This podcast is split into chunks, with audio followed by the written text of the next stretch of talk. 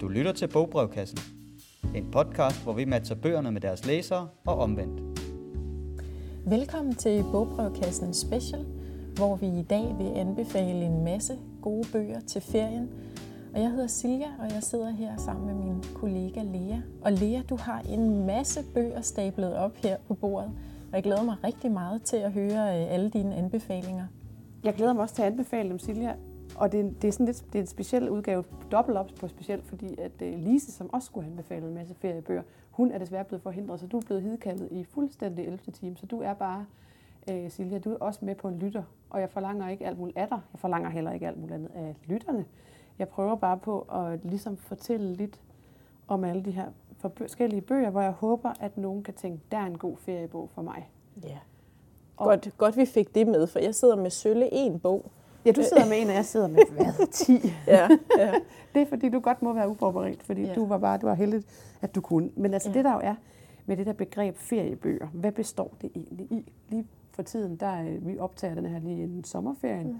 så der står der jo gode bøger til ferien i alle aviser og sådan noget. Og, og ja, det er meget sjovt, fordi at når jeg tænker en god feriebog, så for mig, så er det en, en roman, som måske er relativt let læselig, men samtidig meget fængslende. Mm-hmm. Øh, det vil sige, at jeg nok læser, hvad skal man sige, jeg læser jo ikke anderledes, end jeg plejer at læse, men jeg læser måske noget, der er lidt, øh, lidt mere sådan let tilgængeligt. Mm-hmm. Øh, det skal stadig være nogle spændende mennesker, og jeg, jeg, jeg er altid meget på det med de der mennesker og nogle menneskelige relationer, og noget, øh, der må også godt være øh, noget sådan plot selvfølgelig i det, men, men det skal ligesom bare flyde. Ja. Det er er, det noget, er det mere underholdende? Er det det, nok du lidt ligesom... mere øh, underholdende ja. end normalt, ja. Det er Ja. nok lidt den der over i den der med, åh, den her tv-serie er bare som bog.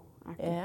Øhm, fordi Skal det ligesom også være sådan en fortælling, man kan flexe ind og ud af? Er det også det, der ligesom ligger i det, øh, når man ligger der i hængekøjen, og så får man det pludselig for varmt? Og... Ja, jeg tror, at det ellers- må godt være, ja. det må godt have noget på, hjer- altså det må Ja. godt have noget på hjertet. Jeg, jeg læser desværre ikke øh, krimier. Øh, men krimier er jo det, som vi her på biblioteket i Lyngby lige for tiden ser blive revet væk. Ikke? Altså, Ja. Det er ligesom hovedferielæsningen. Ja. Og det kan jeg egentlig godt forstå. Altså, fordi det er nemlig det der med, sådan, du er inde i det med det samme. Der er en eller anden præmis, som du er vant til. Mm. Øh, og så er det bare derudad i hængekøjen eller i, i strandstolen.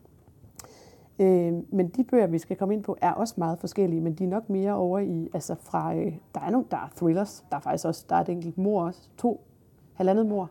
Halvanden Ja, man skal ikke sige for meget, jo, jeg skal også passe på ikke at plot spoile, det prøver vi i det hele taget her i Operakassen ikke at gøre.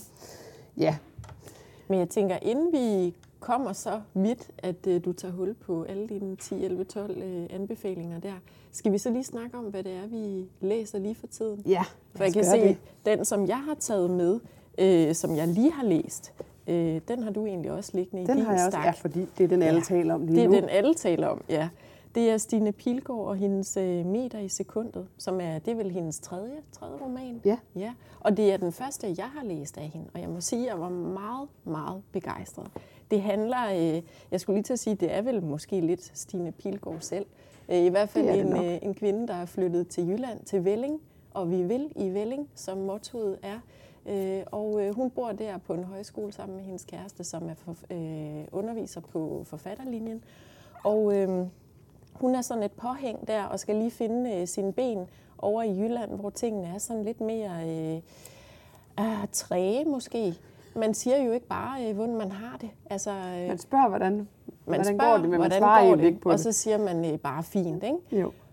Og øh, hun, øh, hun får faktisk øh, sådan en, en brevkasse-chance. Øh, jeg kan fornemme, at det er, noget, øh, det er noget, der går igen i hendes forfatterskab, det der med, med, med, med noget øh, med sange i hvert fald, og måske også brevkasse. Nu er jeg i gang med hendes øh, roman nummer to, Lejlighedssange. Ja, jeg hun skriver virkelig gode sange. Ja, det gør hun altså. Og nogle af de sange, de nye sange er jo her i, men nogle af de nye sange er faktisk også kommet i, i den nye højskolesangbog. er det rigtigt? For det er faktisk ægte gode sange. Altså jeg fældede lige en tårer ved Ja. nogle af dem. Og jeg synes Og også, det er det, der er så vildt for Stine. Pilgaard, det er det der med, at hun er klog og sjov.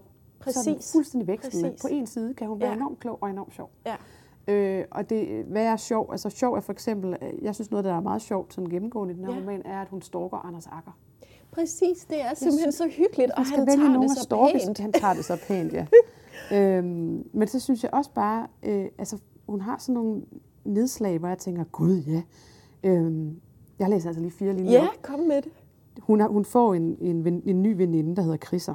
Du skulle have kendt mig, inden jeg blev gravid, siger Chrisser. Det er synd, du må nøjes med resterne. Selvom jeg sagtens kan se hende gennem sprækkerne i moderskabet, vil jeg ønske, at vi havde et overbevisende arkiv af minder, vi kunne repetere sammen. Jeg får en fornemmelse af at have savnet hende i min ungdom, som om der er et lille kriserformet hul i min fortid. Ja. ja. Det synes jeg er enormt genkendeligt. Altså jeg, når jeg får nye venner her post, hvad skal man sige, graviditeterne, øh, hvor der er en masse børn, der render rundt, og man kun får sagt halve sætninger, og man tænker, det er min nye ven, men jeg, vi får mm. aldrig... Det, ja. altså det, jeg synes ja. virkelig, det der kriserformede hul i fortiden ja, er ja, så det er fedt. meget fint beskrevet. Ja. Jeg synes også, hun kommer med der i, i hendes brevkasse svar, de er altså virkelig gode. De er gode, de kloge. Ja. ja, de er ja. virkelig gode og ja, kloge, og også ja. hun introducerer nogle ord, som jeg, jeg ved ikke, om de findes, og de var i hvert fald nye for mig. For ja. eksempel så er der en, en, øh, en, der skriver ind til hende, Øh, og hun underskriver sig øh, flueknipperens kone. Og det er simpelthen, fordi hende kvinde her har en mand, der bare gerne vil have ret. Altså han, han, øh, han, vil, gerne, øh, sådan, han vil gerne øh, tale det hele på plads.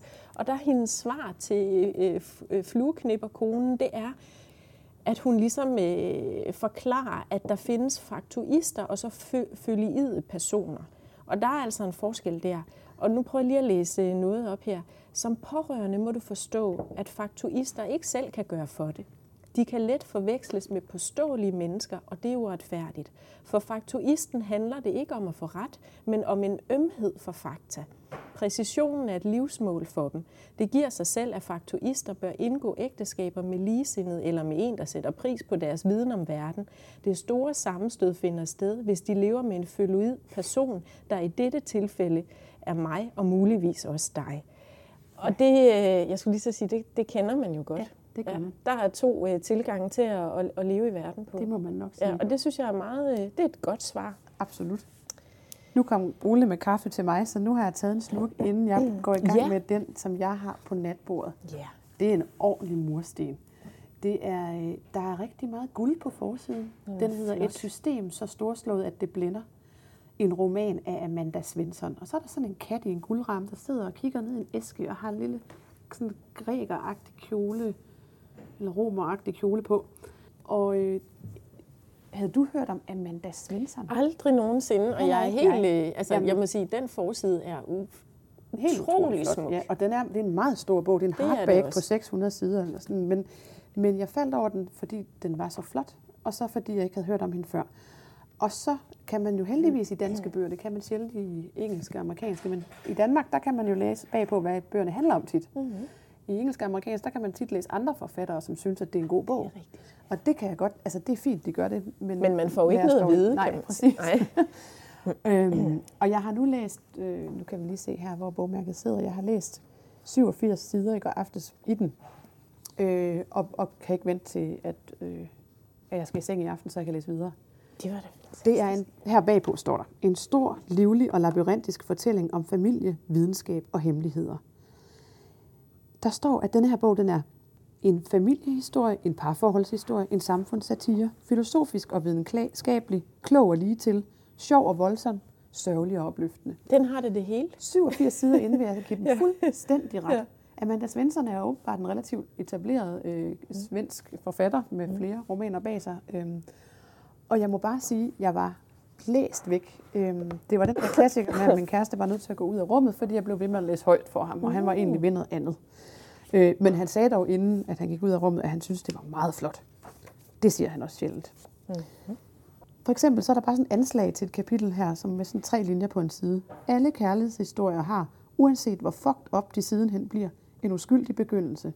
Og det her var Sebastian og Lauras. Ham, der sagde Laura Kadinski, og hende, der svarede, det er mig.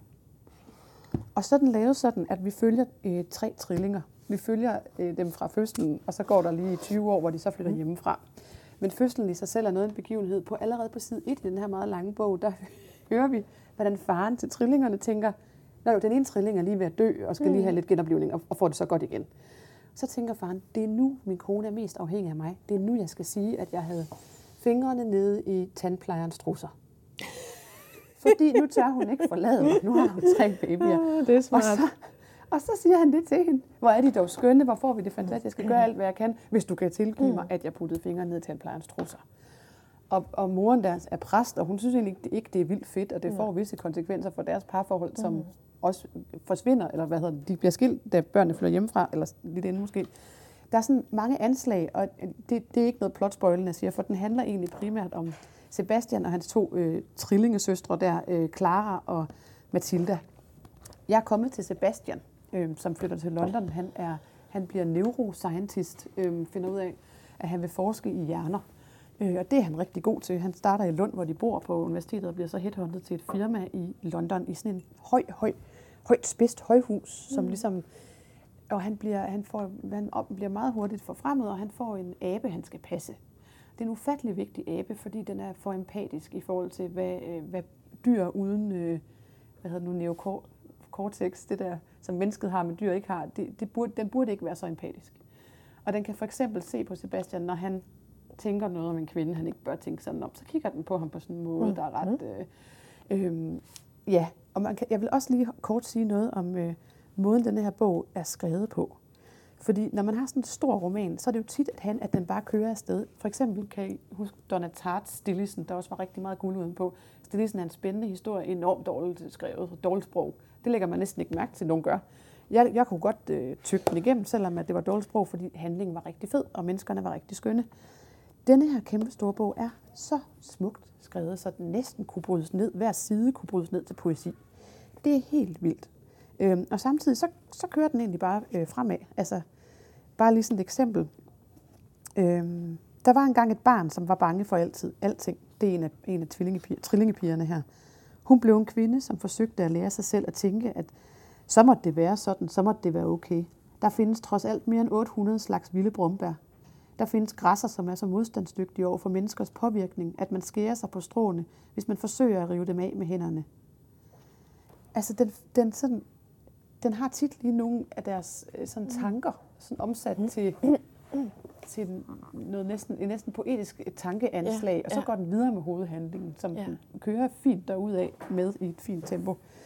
Øh, ja, ja, det skal være min øh, feriebog. Den er virkelig tyk. Ja. Jeg håber, vi har et eksemplar. Så. jeg fik den solgt til dig i hvert fald. den skal jeg i hvert fald læse. ja. Men ved du, hvor hun er i forfatterskabet? Hende, øh, Amanda Svensson, som jeg øh, ved Gud heller aldrig har hørt jeg har ikke, jeg, er hun jeg, ung eller gammel? Eller? Jeg tror, hun er midt imellem. Altså, ja. jeg, jeg kunne se, hun havde sådan tre, tre romaner bag sig eller sådan noget. Øhm, men jeg har faktisk ikke tjekket så meget op på hende. Det er helt godt, øh, mærkeligt. Nogle gange kan jeg også godt lide at blindlæse. Altså simpelthen ja. bare tænke, flot forside, ja. og den handling lyder god, lad mig læse. Og så uden en masse historik omkring forfatterskabet, ja. fordi det kan man øh, godt trænge til, synes jeg. Men nu. man bliver jo bare så overrasket. Hvad er det for det modtryk, Og den, over, der, den bliver, den ja. bliver allerede, allerede ja. oversat til 10.000 sprog og så videre, ikke? så det er ja. en rigtig øh, succesroman. Ja, men dejligt, at du har fundet den. Og apropos det der med noget, man ikke rigtig ved noget om, så den anden dag gik jeg rundt nede på vores 14-dages hylder, og så så jeg en meget mindre roman. Den er kun et par hundrede sider og slet ikke lige så prægtigt sat op. Den ser kedelig ud. Den ser kedelig ja. ud. Den hedder Stormen og der er et hav på, og noget, nogle, klippe, nogle klipper, hvor der kommer lidt storm op på. Og den er skrevet af ham, der hedder Steve Sim Sandberg, mm. som, jeg har, som også har skrevet en del bøger, øhm, og også er svensker, går jeg ud fra. Øh, måske er han nordmand, det ved jeg ikke engang. Nej, han er en nordmand, ja. Øhm, det er sådan et meget internationalt navn, men øhm, han er lidt over i sådan noget Lars Soby Christensen-agtigt. Vi er herude på en ø. Øhm, ret lille ø, faktisk. Øhm, og øh, jeg, og fortælleren, han er opvokset på øen, og han kommer tilbage, da hans plejefar dør. Mm-hmm. Øhm, hans plejefar var ikke ligefrem øh, moder jord. Han var rimelig dårlig til at få de der to børn, nemlig fortælleren og hans storesøster. Øhm, han satte sig tit op på loftet i, i sin sidevogn. Han havde sådan en gammel motorcykel sidevogn op på loftet, hvor han sad og drak i flere dage, mens børnene passede sig selv. Øhm, og storesøsteren Mina, hun blev sådan en slags teenager, som ligesom gik rundt med de forkerte drenge og stod nede bag ved tanken med den helt mm. forkerte dreng og gjorde noget, man gør, når man er ung, som lillebroren udspionerede på, øhm, og undrede sig over og lod sig skræmme af. Samtidig så er der sådan en 2. verdenskrig historie i denne her bog, som er vildt fængslende, synes jeg. Det er ikke en bog, der går hurtigt fremad, så det er ikke sådan noget med, hvem gjorde det, hvem gjorde det, hvem gjorde det, men, det, men der er meget hvorfor i den. Altså jeg tænker meget, hvorfor? Hvorfor forsvandt deres forældre? Jeg har ja. læst halvdelen af bogen, fordi jeg er nemlig meget nødig ved plotspoile, for det kan man i den her bog. Så jeg ved ikke, hvorfor forældrene forsvandt, men de forsvandt. De sagde, at de kom tilbage lige om lidt, afleverede børnene og kom aldrig tilbage. Øhm, og der er sket noget under 2. verdenskrig, som, og den foregår i 90'erne. Øh, på øen er der sådan en, en mand, som, har, som var meget nazistisk under krigen, øhm, og som, som er død nu, hvor den foregår, men Men øhm, han, han havde lavet alle mulige sådan, øhm, kolonier på den her ø, som man ikke helt forstår, hvad var, men som i hvert fald var meget arisk.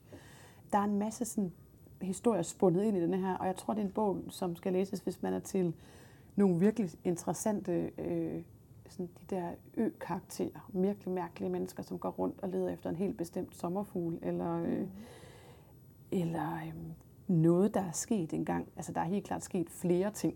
Øh, der er noget med et flystyrt, som, som børnene her fantaserer meget om i forbindelse med forældrene. Jeg vil sige, den er en, den er jo ikke en thriller, for det er den simpelthen for langsom til. Den er også enormt smukt skrevet. Øhm, øen, det var som om den altid havde eksisteret, fyldt af klagende, gådefuldt liv, allerede inden nogen satte, fod, nogen satte sin fod der. Altså den er hele tiden meget sådan, den handler meget om øen, og den handler meget om øens natur og øens skæbner. Jeg synes, den er en, en meget, meget fin og, og sådan fængslende feriebog.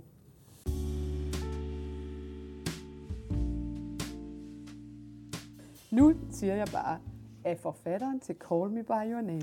Ah.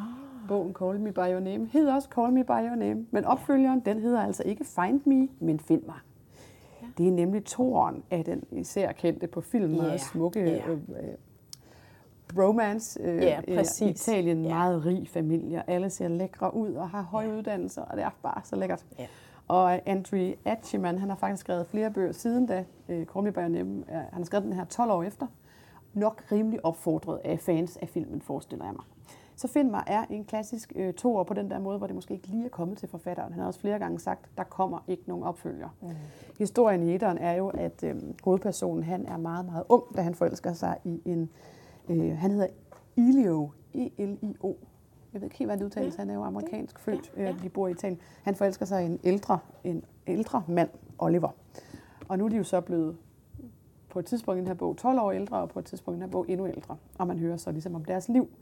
Og det var jeg rigtig spændt på. Jeg havde både læst bogen og set filmen, og tænkte, det gider jeg virkelig godt. Mm. Øhm, og Find mig er en rigtig fin feriebog.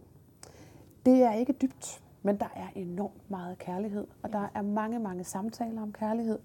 Der er ikke så mange konflikter, faktisk. Mm. Øh, dem, dem tog vi ligesom i etteren. Mm. Øh, men man følger forskellige mennesker, og jeg blev meget overrasket, for det er jeg-personer, så man ved ikke hvem før længe i kapitlerne. Så først så var det et jeg, jeg troede var den gode Ilio, og jeg havde sådan forestillet mig hans smukke øh, unge ansigt, nu 12 år ældre, og knap så upassende at finde smukt osv. Men, men det var så Ilios far, men pludselig er jeg. Øhm, og Ilios far får en anden kærlighed i en højere alder, og det starter i åbningsscenen af i et tog, hvor han møder en meget karismatisk ung kvinde.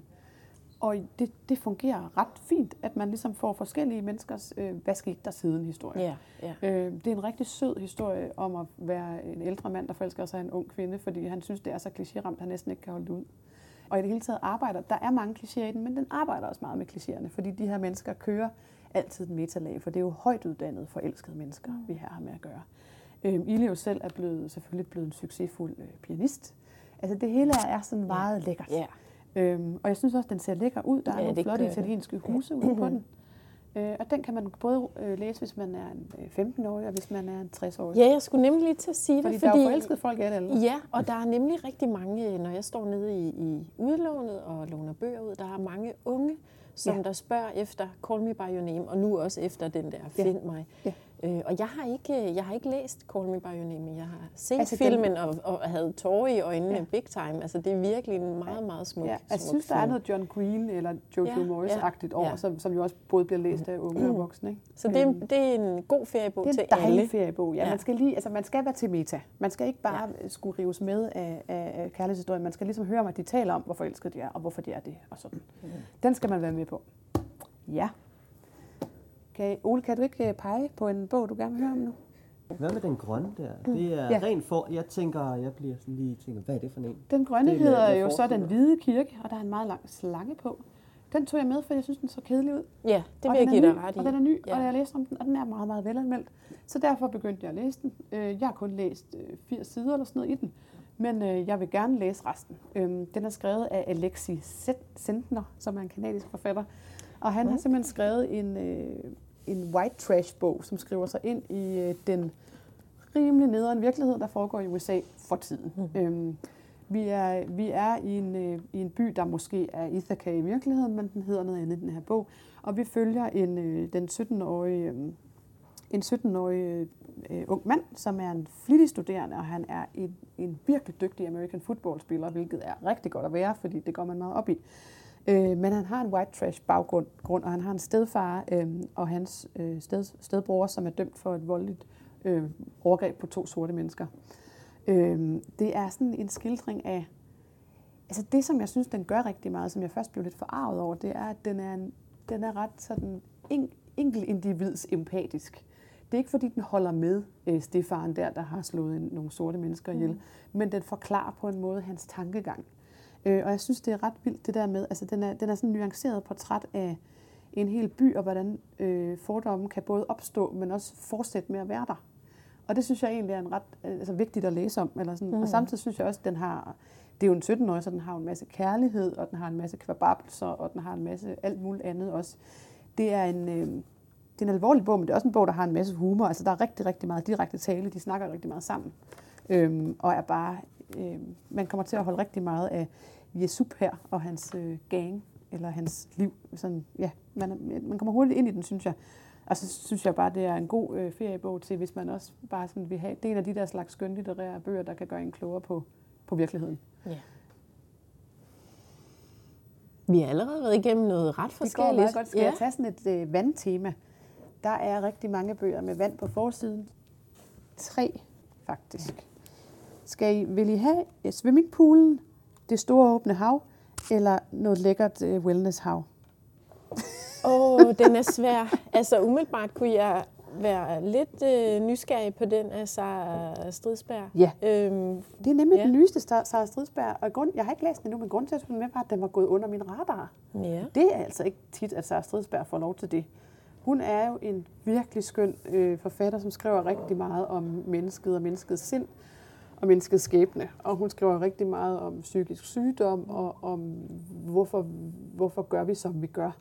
Øhm, og jeg synes, hun skriver godt og medrivende og let tilgængeligt. Og i denne her Happy Sally, det er faktisk det, man kan kalde historisk roman. Øh, blandt andet, fordi ja. den foregår, øh, den handler om Sally og Ellen, som er to forskellige kvinder i to forskellige tider, som øh, begge to er går meget op i at krydse den engelske kanal øh, svømmende. Og det lykkedes allerede for Sally i 1939, og Ellen hun prøver så at gøre det i 80'erne. Øhm, hvad skal man sige? Det er en roman, som handler rigtig meget om passion og livet, der kommer i vejen for passionen. Hvem mm. kender ikke det?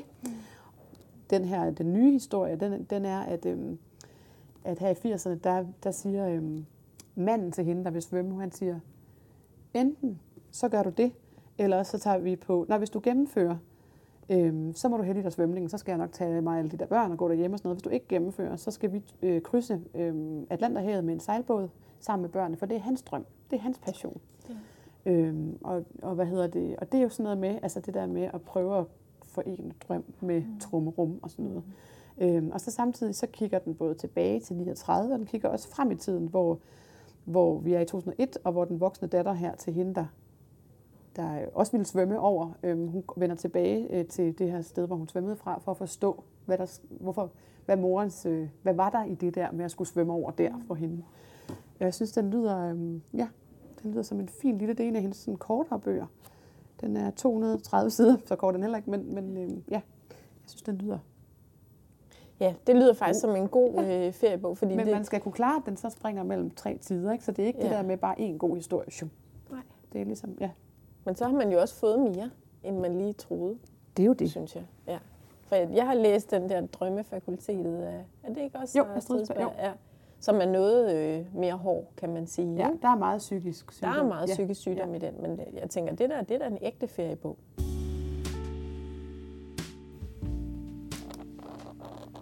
Det her er lyden af en meget, meget ny bog.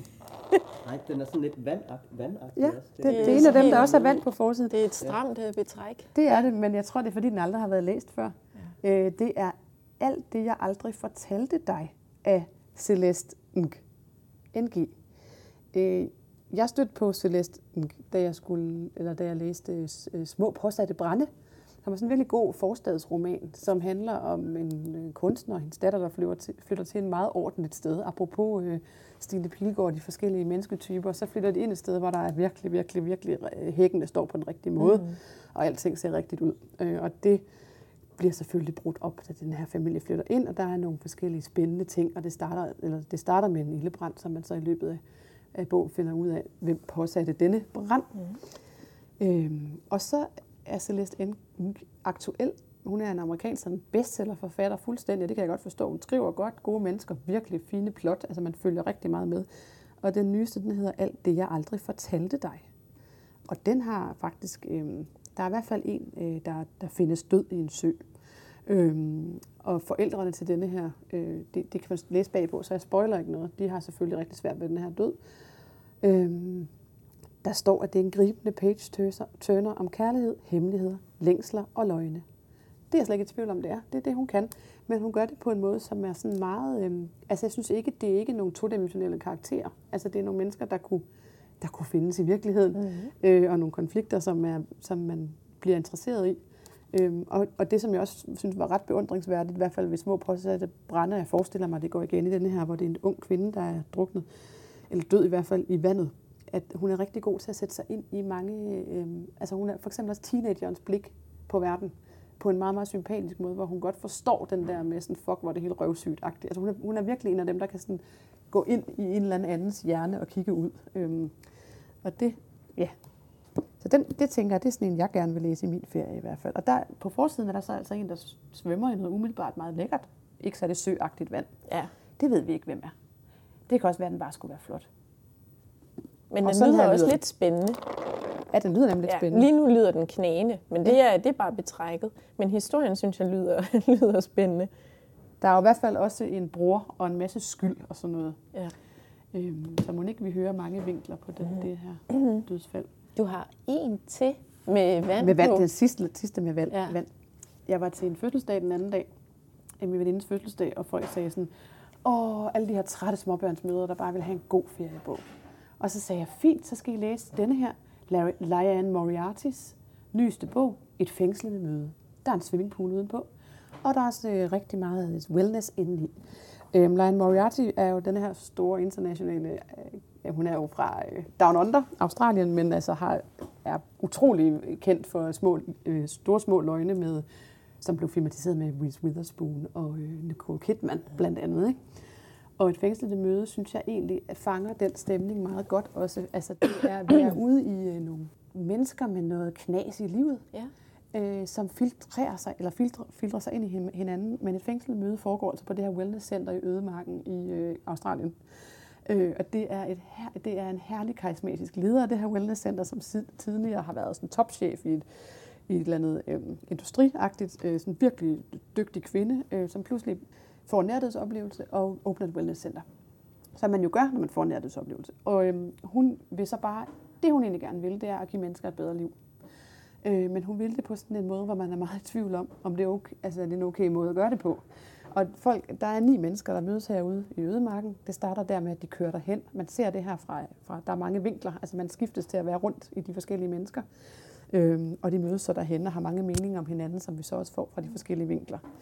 Det er en, det er en bog med sådan nogle ret alvorlige... Øhm, altså der er, der er for eksempel en, der har et forlist, hende, hende vi følger mest. Hun er selvfølgelig en forfatter til kærlighedsromaner, så der er også lidt meta der. Øhm, og hun har et forlist forhold bag sig på en måde, som er ret, sådan, som jeg blev ret overrasket over.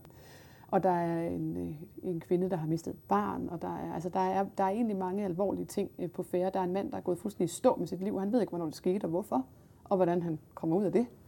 Han fandt bare pludselig ud af det en dag, og så googlede han, og så fandt han heldigvis det her Forandre dit liv, Wellness Centeret. Mm. Jeg synes, jeg synes, den er fin. Jeg synes også, den er, den er meget lang. Den er på 450 sider. Altså, jeg tror da godt, jeg synes, den kunne have været på 300 sider måske. Men jeg synes, de, de er nogle spændende mennesker at komme ind i. Og jeg synes, den er, den er virkelig en, man kan ligge ved poolen og læse. Den er, ikke, den er meget, meget let tilgængelig, uden nogensinde at blive flad. Og ja, den skal nok også blive en serie. Jeg gad i hvert fald godt se serien, Ja. vil jeg sige. Det er en tv-bog. Det er en dejlig tv-bog, ja. Og man skal altså ikke ligge ude ved poolen med sin iPad og se HBO. Så kan man da tage den her med. Ja, præcis, præcis. Ja, altså, jeg ved ikke, om det er den, du vil snakke om, men der ligger en bog med en titel, Hvem slog Bambi ihjel, Ja. står der. Hvad er det for en bog? Ja, ikke. ja. Hvem slog Bambi ihjel? Er også no- nyt nordisk. Det er Monika Fagerholm, eller jeg ved ikke, hvordan man siger det. Men det er, jeg faldt over den faktisk, øh, fordi hun er nomineret til Nordisk Råds Litteraturpris, og hun er fin, finsk. Ja. Øh, og hun er nomineret til Nordisk Råds Litteraturpris 2020. Øhm, og, og jeg var i sådan en læseflow, hvor jeg bare læste de der nomineringer, og de er, mm. der er sindssygt mange gode bøger i dag imellem. Jeg ved slet ikke, hvad for en, der skal vinde, fordi Nej. puha, det bliver svært. Ja. Øhm, men, men Fagerholms Fem slog Bambi ihjel er altså også en røvgod bog. Så sagde jeg det. Ja. Øh, den handler overhovedet ikke om, om nogen Bambi, der er blevet slået ihjel, selvom der er et dårdyr på forsiden. Den handler om et seksuelt overgreb blandt øh, unge mennesker. Øh, og vi er... Øh, jeg har aldrig, jeg som sagt, læst hende før, og hun skriver helt vildt godt, og også relativt mærkeligt. Hun gentager rigtig meget. Hun minder lidt om Vigdis Hjort, øh, på sådan en måde, hvor man tænker, har jeg ikke lige læst det her? Men så gentager hun bare de to sætninger. Og så, altså, så der er sådan noget underligt, øh, lidt flakkende i hendes skrivestil. Det, det er et meget højt tempo og helt vildt meget humor. Men altså, vi følger øh, hovedpersonen, som hedder Gusten, Gusten Grippe. Og Gusten Grippe, han er ejendomsmaler. Han er sådan en ung fyr, som bor lækkert, øh, og fordi at han er jo ejendomsmaler. Men han har aldrig kommet sig over sin ungdomskærlighed. Øhm, så han, han løber rundt og lader som om han jogger i det kvarter, hvor hun bor nu. Mm. Og hun går rundt med hundene og har det ikke specielt godt. Øhm, det er sådan en bog, hvor man ser rigtig meget tilbage på. Altså, de er stadig unge. De, det er også det, der, de er 20'erne nu, og det skete, da de ligesom var sådan for en syv år tilbage, eller sådan noget. Det her overgreb, som øh, der var flere medskyldige i, og som fandt sted øh, i forbindelse med en fest nede i kælderen hos det allerstørste overklasseløg, og hans meget, meget kendisagtige mor. Øhm, og nogle dage, altså sådan en scene i bogen, som står meget stærkt for mig, det er nogle dage efter det her overgreb egentlig fandt sted. Hovedpersonen er, at han boede også i lange perioder der, fordi hans egen mor er operasangerinde der bor lidt rundt omkring i verden og synger opera. Så vi er sådan i den overklasse kvarteret her. Og så øh, er der sådan en scene, hvor hende her, øh, moren til vennen, øh, og, og den hovedgerningsmand, hun øh, får besøg af sådan en boligmagasin, og skal sådan vise rundt i denne her, det her helt vildt lækre hus ned til den her helt vildt lækre sø, hvor man lige kan springe vandet fra klippen, og går og viser rundt og bare sådan, uh, hvor er det lækkert. Og så ligger øh, Gusten og hans ven der øh, på hver der, eller den ene ligger på sofaen, den anden ligger nede på gulvet og sådan fly- flyder sådan teenage-agtigt. Øhm, og, og mor siger sådan, åh, drenge, og de ligger også sådan lidt lækre på sådan en ung måde, ikke? Og det synes moren bare er herligt. Og det er sådan to dage efter, at de har begået det her overgreb, og måske er vedkommende stadig et sted i huset. Det er ret klamt. Øhm, det er en sindssygt øh, god bog, når det handler om overgreb, og når det handler om, hvordan en hel, altså også alle forældrene og sådan noget, begynder at reagere, da det ligesom, da der kommer for en domstol, det her overgreb, og de bliver dømt osv. Det er, det er virkelig en bog, man kan blive klog af, og det er en bog, som, øhm, jeg ved slet ikke, hvordan man, hvordan for eksempel bare et helt almindeligt menneske som mig, skulle få det indblik i overgrebets DNA øh, mm. på en eller anden måde. Øhm, det gør hun helt vildt. Det er en virkelig vigtig bog, synes jeg, om det emne. Øhm, og så er den bare vild, fordi den er, øh, det er nogle mennesker, man vildt godt gider at lære at kende. Altså faktisk endnu bedre. Jeg er sådan lidt træt af, at man lærer ret mange mennesker at kende, fordi der, altså, det er jo hele den her gruppe af unge. Og der, der er flere af dem, hvor jeg bare slet ikke altså, at kende, Du fik ikke dem nok Nej. tid med Og jeg håber, der nej. kommer en tor Ja. om bestemt en af, en af pigerne, som ikke er særlig meget med, men hvor jeg bare synes, hun er så herlig. Jamen, det, det, Og det er godt, at der er sådan nogle gode øh, personlige øh, Ja. karakteristikker, Ja. fordi jeg tænker, at selve historien lyder til at være ret hård. Den er, Så ikke, den er skal- simpelthen ikke tung overhovedet, og Nej, den er simpelthen så... Øh, altså, den, den handler om alt muligt. Den er ekstremt nutidig. Den handler... Altså, der er, der er enormt meget sådan noget øh, Instagram, og hvad lægger man på, og altså sådan, og den måden, de sådan opfører sig på, de her unge mennesker. Den ene, han vil hele tiden lave, ej, han laver en lille bar nede ved søen, og det kan han godt tjene nogle hurtige penge på. Og sådan, der er enormt meget sådan, ungdom og nutid i den, øhm, som bare er meget forfriskende midt i det her meget tunge Ja. emne. Ja. Og hovedpersonen, der, der fik, altså, som blev, øh, hvad skal man sige, voldtaget, hun er slet ikke, altså hun øh, har ikke nogen stemme i bogen. Og det tænker jeg også, der er en pointe i, for hun er flyttet til USA. Hun er der ikke længere. Øh, og det er jo ret vildt, så det er sådan skrevet rundt om hende på en eller anden måde. Øh, som jeg først var ret kritisk overfor, fordi jeg tænkte, så giver det hende ikke engang en stemme. Men det tror jeg faktisk, hun har en, en ret øh, interessant pointe med. Skal vi så øh, gå fra, hvem der slog Bambi ihjel? Bambi er heldigvis ikke slået ihjel. Øhm, til altså, noget, hvor der altså, er nogen, der bliver slået ihjel. ja, lad os tage en sidste, En sidste, en sidste dyster en, ja, dyster en, ja. inden vi runder af. Øh, denne her, jeg, kan- det var en eller anden forlagspræsentation, jeg var til, og der stod sådan en PR-dame og sagde, det her det er en rigtig god bog, og den hedder I en mørk, mørk skov, og der står, nogen skal giftes, nogen skal myrdes. og den er skrevet af hende, som bliver kaldt vores tids Agatha Christie, nemlig Ruth Ware. og jeg tænkte, den skal jeg da ved ikke læse. Og så på en eller anden måde, så var der sådan en, hvor man kom, så kom man ligesom hjem med den i, altså i tasken. Eller sådan, jeg ved ikke, hvordan det var sket, men jeg havde fået den bog. Og så, og så, så sidder man jo i S-toget, og så, fik, så gik jeg i gang, og så læste jeg den faktisk virkelig. Fordi den handler om, den, man, øh, bliver, ja, man bliver suget ind i den her skov, hvor der er nogle kvinder, der skal til polterappen. Nogle af dem har ikke mødt hinanden i mange år. Der er en masse intriger fra gammel tid. Men hende her skal giftes. Og hvad er det egentlig for en mand, hun skal giftes med? Hvad foregår der egentlig? Øh, der er helt vildt meget sådan noget... Øh, der er rigtig meget intrige, men der er også rigtig, rigtig meget uhygge. Og jeg vil ikke sige så meget om den, fordi man virkelig kan plot spoile den, mm. og det er jeg så bange for. Men øhm, jeg vil ikke, altså, øhm, jeg vil ikke gå ud i en mørk skov, hvis jeg lige havde læst den her bog. Nej. Det vil jeg ikke, så man skal nok ikke læse den, hvis man har den der øh, ødegårds øh, sommer, hvor man lige er alene i to uger. Nej, det, det er til Øhm, hængekøjen. Det er til hængekøjen, ja. Ja. Men altså, den, øh, det er en bog om en masse hemmeligheder og løgne. Ja, det var også, øh, du nåede 10, 10 feriebøger, og jeg vil sige, du ramte mig med fire af dem. Så jeg, jeg kommer til at få en rigtig travl øh, Jo, ferie. så håber vi, at, øh, Ja. ja. At jeg også ramte nogle af, nogle af lytterne. Ja, det tror jeg bestemt. Ja. Ja. Men Mm. altså, det er jo selvfølgelig en smagsag, hvad man, øh, hvad man har lyst til at læse i sin ferie. Men her var nogle bud i hvert fald. ja. Øh, ja, og så øh, for dem, der har ferie nu, kan vi jo sige god ferie. Ja. For dem, der ikke har, kan vi sige, de her bøger kan også læses, hvis man ikke har ferie. Ja, præcis. Man kan jo altid øh, læse bøger, også når man pendler til og fra arbejde, for eksempel. Ja. Men øh, god sommer. Rigtig god sommer.